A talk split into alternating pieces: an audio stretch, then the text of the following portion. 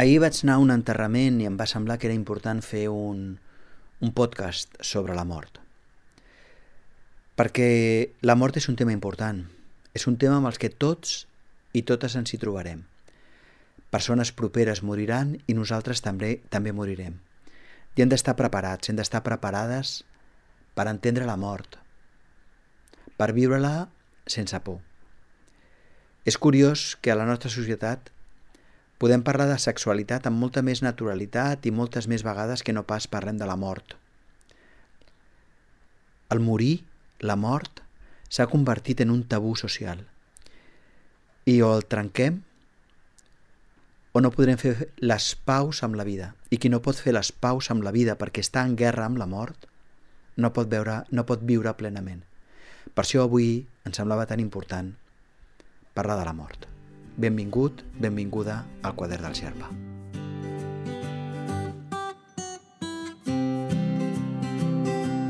Benvingut, benvinguda al quadern del Xerpa, un podcast en català sobre autoconeixement, creixement personal i espiritualitat pràctica que busca certa útil. El meu nom és Daniel, Daniel Gavarró, i desitjo nutrir-te interiorment, abordant aquests temes amb senzillesa però sense renunciar a la seva profunditat.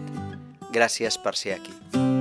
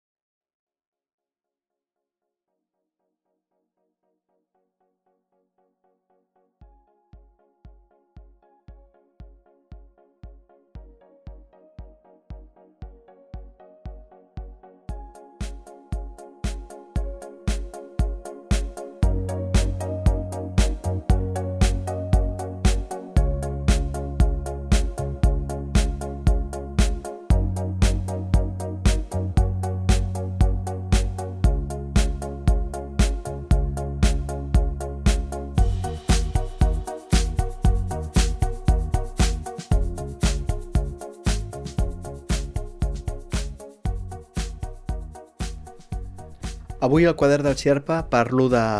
parlem de la mort. Què és la mort? I què és allò que no és la mort? Què és allò que mora? I com ho podem fer per fer les paus amb la mort? I finalment també, si us sembla, faré una petita nota sobre el suïcidi, encara que potser un altre dia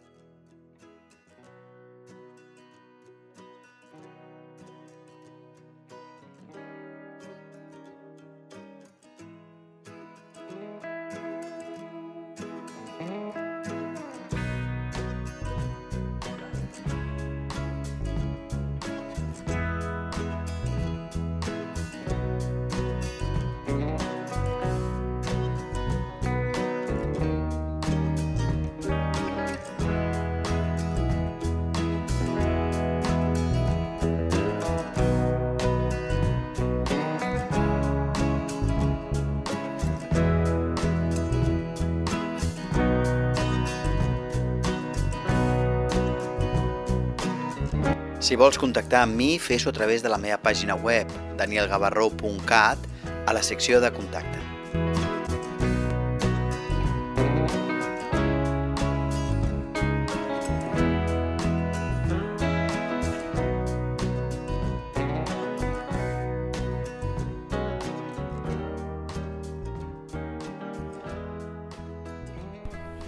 Si hem de parlar de la mort, el primer que hauríem de fer és mm, intentar definir-la.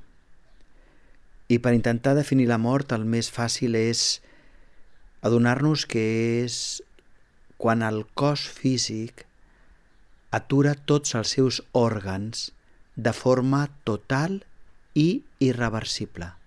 És a dir, el cor deixa de bategar, el ronyó deixa de netejar la sang, l'estómac deixa de fer la digestió, els pulmons deixen de respirar i ho fan de forma total i irreversible i el cos comença a descomposar-se.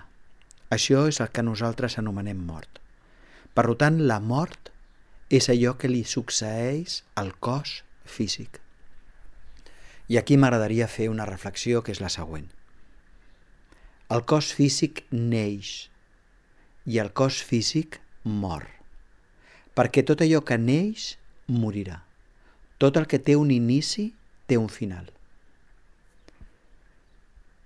Però la vida sempre és. Ho torno a dir. Però la vida sempre és. El que és no pot deixar de ser. En realitat, allò que nosaltres anomenem mort no existeix. Lo contrari del naixement és la mort, però el que sempre està present és la vida. Allò que sempre, sempre, sempre està present és la vida. Però com que és una idea important i m'agradarà desenvolupar-la en claredat, si et sembla, l'explico d'aquí un moment.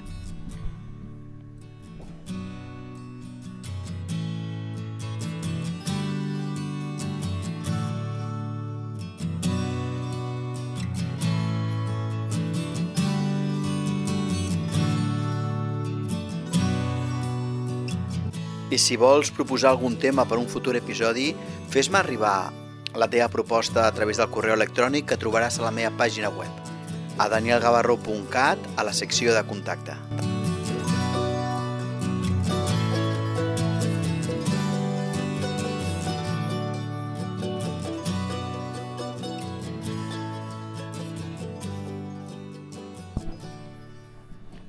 Fa un moment deia que la vida sempre és, que allò que és no pot deixar de ser. I ara m'agradaria aprofundir en aquest tema. Si t'hi fixes,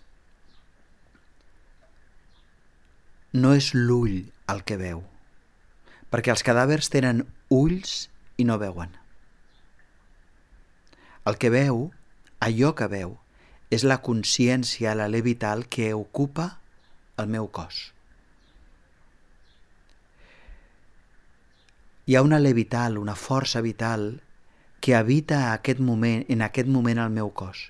I és aquest alè vital, és aquesta energia, és aquesta consciència autoconscient la que veu, és aquesta consciència autoconscient la que comprèn, és aquesta consciència autoconscient la que és. El Willis Jagger, o Willigui Jagger, un monjo benedictí, afirma que quan nosaltres vam néixer, no vam ser nosaltres els que vam néixer. Va ser la vida, va ser Déu qui va néixer en nosaltres. I si t'hi fixes, això és així i és molt evident. Hi ha un moment determinat en què l'alè vital entra en una llavor i aquesta llavor desperta i es converteix en una planta que creix, però en un cert, però en un cert moment aquesta planta mor. L'alè vital l'abandona. Però fixa't que acabo de dir que l'alè vital l'abandona, perquè l'alè vital és com, un, com les onades d'un mar. O millor dit, és com un mar. I hi ha una onada que entra en una planta i aquesta planta neix i quan la onada es retira, aquesta planta mor.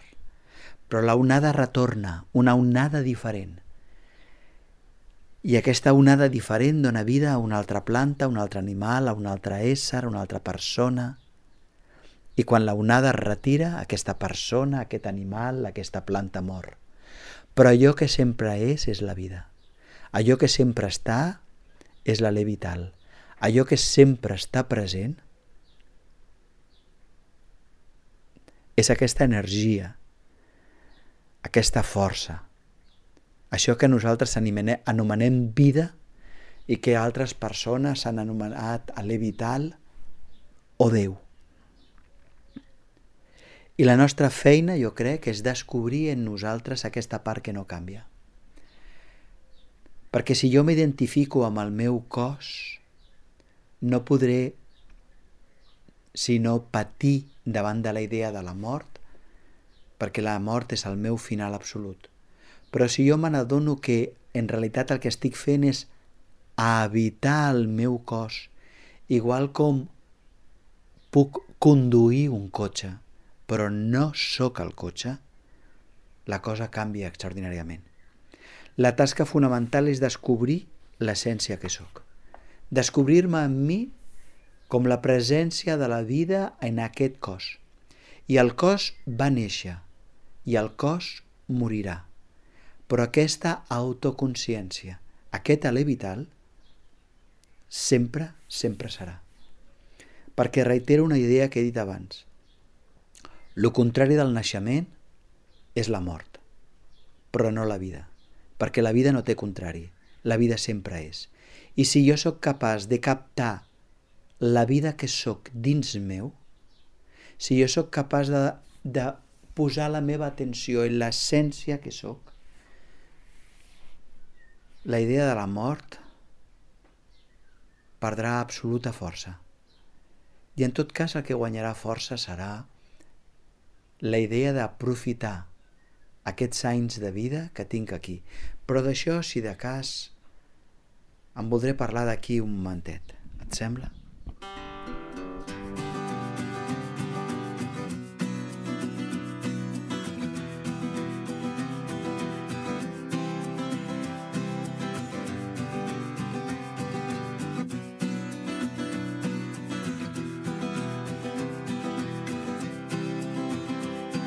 No et perdis cap episodi. Subscriu-te al meu podcast a danielgavarró.cat i rebràs un avís automàticament cada vegada que pugi un nou àudio.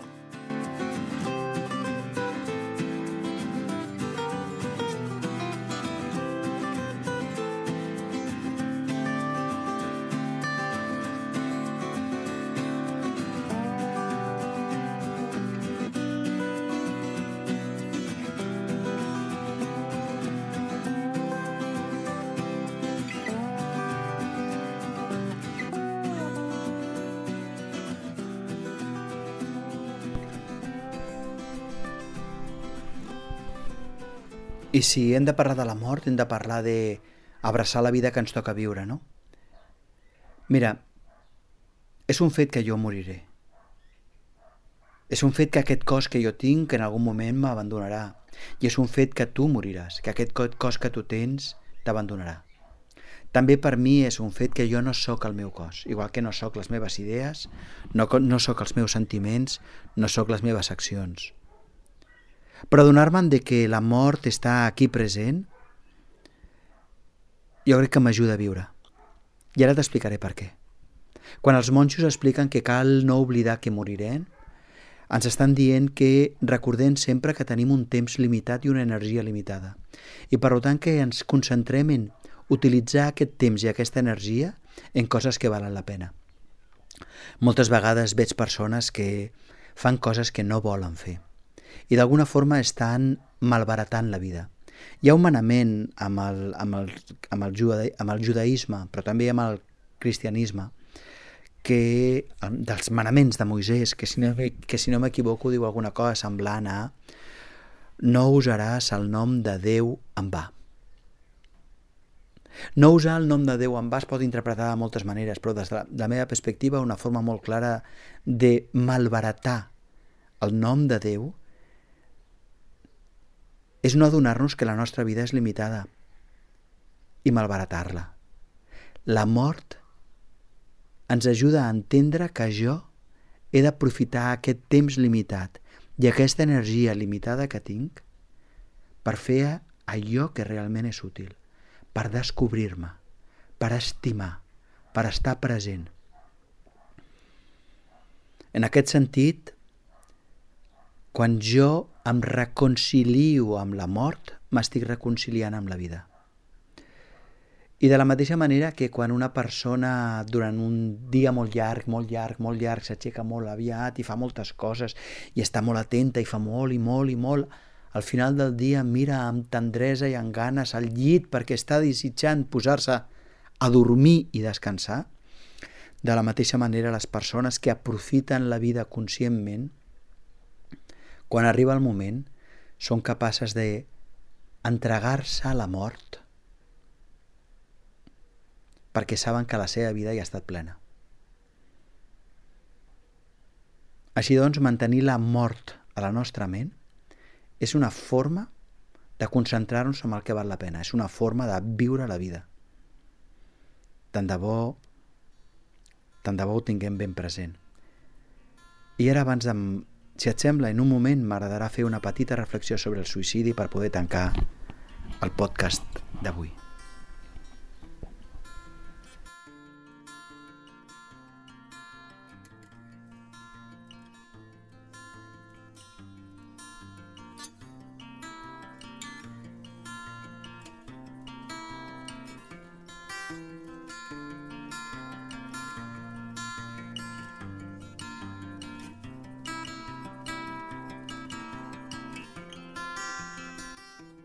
Recorda que allò veritablement útil en el treball interior és fer una feina ordenada, graduada i tutoritzada. Ho sé per experiència. Per això t'animo a que facis una ullada als espais formatius que imparteixo, que els trobaràs a la meva pàgina web, danielgavarró.cat. Però t'animo especialment a que miris el curs aulainterior.cat i el curs en castellà Universitat de Vida online. Crec que et seran molt inspiradors.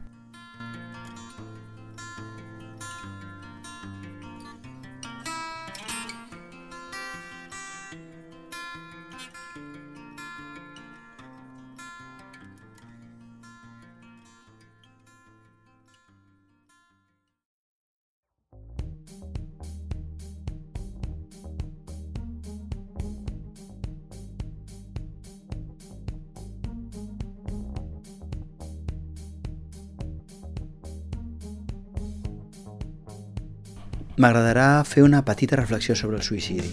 Segurament un altre dia faré un podcast sobre el tema, molt més llarg. Però com a mínim la idea m'agradaria deixar-la clara.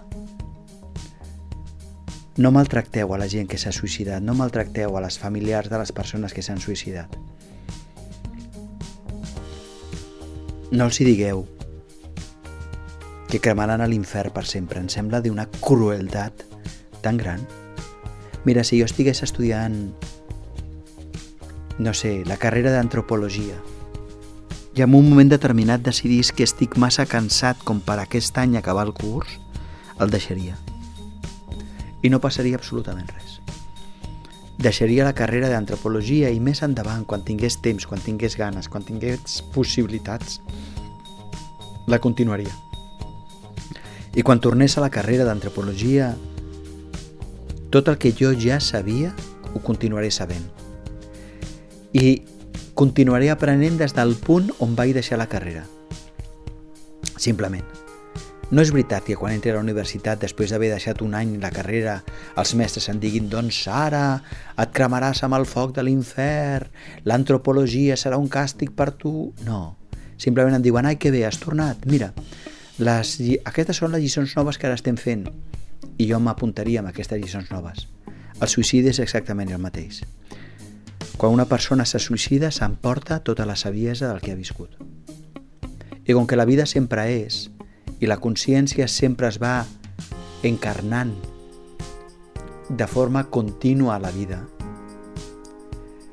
tot això que jo m'he endut en algun moment tornarà a reencarnar-se. En algun moment jo tornaré a estar aquí i acabaré el curs, no passarà res més. Acabaré el curs de les coses que en aquest moment no he pogut, no he pogut entendre, no he estat capaç. Però no passa res més, és simplement he endarrerit els exàmens, he endarrerit el curs una estoneta. M'he pres un descans. Una última nota. Si en algun moment tens una profunda desesperació, si en algun moment tens una profunda tristesa, si en algun moment estàs pensant en suïcidar-te, per una tristesa profunda, no ho facis. Abans de fer-ho, vés a un hospital psiquiàtric i demana ajuda. Perquè quan nosaltres estem vivint en un gran patiment psicològic no podem decidir. I menys decidir sobre la continuació de la nostra vida. Perquè és un fet que un cop que hem abandonat el nostre cos, doncs, en fi, que això en aquest nivell, en aquesta vida, no té arreglo. Tot i que ja et dic que tampoc passa res, eh? perquè el que no acabes ara ja ho acabaràs després. I no ho dic com a càstig, que aquesta és la part important, sinó igual que he deixat un curs a mitges, quan tingui ganes, quan estigui descansat, ja hi tornarem. No passa res més. Però igualment, el que vull remarcar és que el suïcidi no pot ser abordat des del dolor. I si tens molt dolor psicològic, psicològic has de demanar ajuda a un hospital psiquiàtric. I després, després, després, quan tornis a tenir pau interior, que trigaràs uns dies o unes setmanes, si tot va bé, no et preocupis, llavors podràs decidir. Però a mi em sembla molt important que, igual que parlem de la mort i hem de hem de fer les paus amb la mort? També hauríem de parlar del suïcidi amb molta més serietat i profunditat tenint present que hi ha moltes cultures on el suïcidi no està mal vist, on el suïcidi té una lògica, té un espai. Però de tot això, en tot cas, igual parlaré en un altre podcast. L'única idea que volia avui remarcar eren dues. No agradiu a les persones que familiars seus s'han suïcidat. Ja tenen prou dolor com per dir-los-hi que cremaran a l'infern. Em sembla d'una crueltat extraordinària. I la segona cosa, si en algun moment vols suïcidar-te perquè tens un gran patiment psicològic, recorda aquestes paraules i, i vés a un hospital psiquiàtric a demanar ajuda. I quan la calma hagi tornat a la teva ment, podràs decidir amb molta més saviesa. Si vols, ens veiem un altre dia al quadern del Xerpa, però abans m'agradaria recomanar-te un llibre sobre la mort. És d'una psiquiatra, l'Elisabet Kubler-Ross, i ha fet un llibre molt bàsic, molt senzill, però jo crec que és molt bonic, que es titula en català La mort és una albada. O La mort una nova albada, ara no ho recordo. I després també està en castellà, eh? La muerte un amanecer. Te'l recomano si és que el tema de la mort t'interessa. Ens veiem aviat amb un altre episodi del Quadre del Xerpa. Tant de bo aquest capítol t'hagi estat útil. T'envio una forta abraçada i et desitjo el millor. I recorda, aprofita tot el que passi per descobrir-te. Si vols, ens veiem dintre d'una setmana. Ah, i saps que pots seguir-me a danielgavarró.cat i també a facebook.com barra gavarrodaniel i a youtube. Youtube.com barra danielgavarró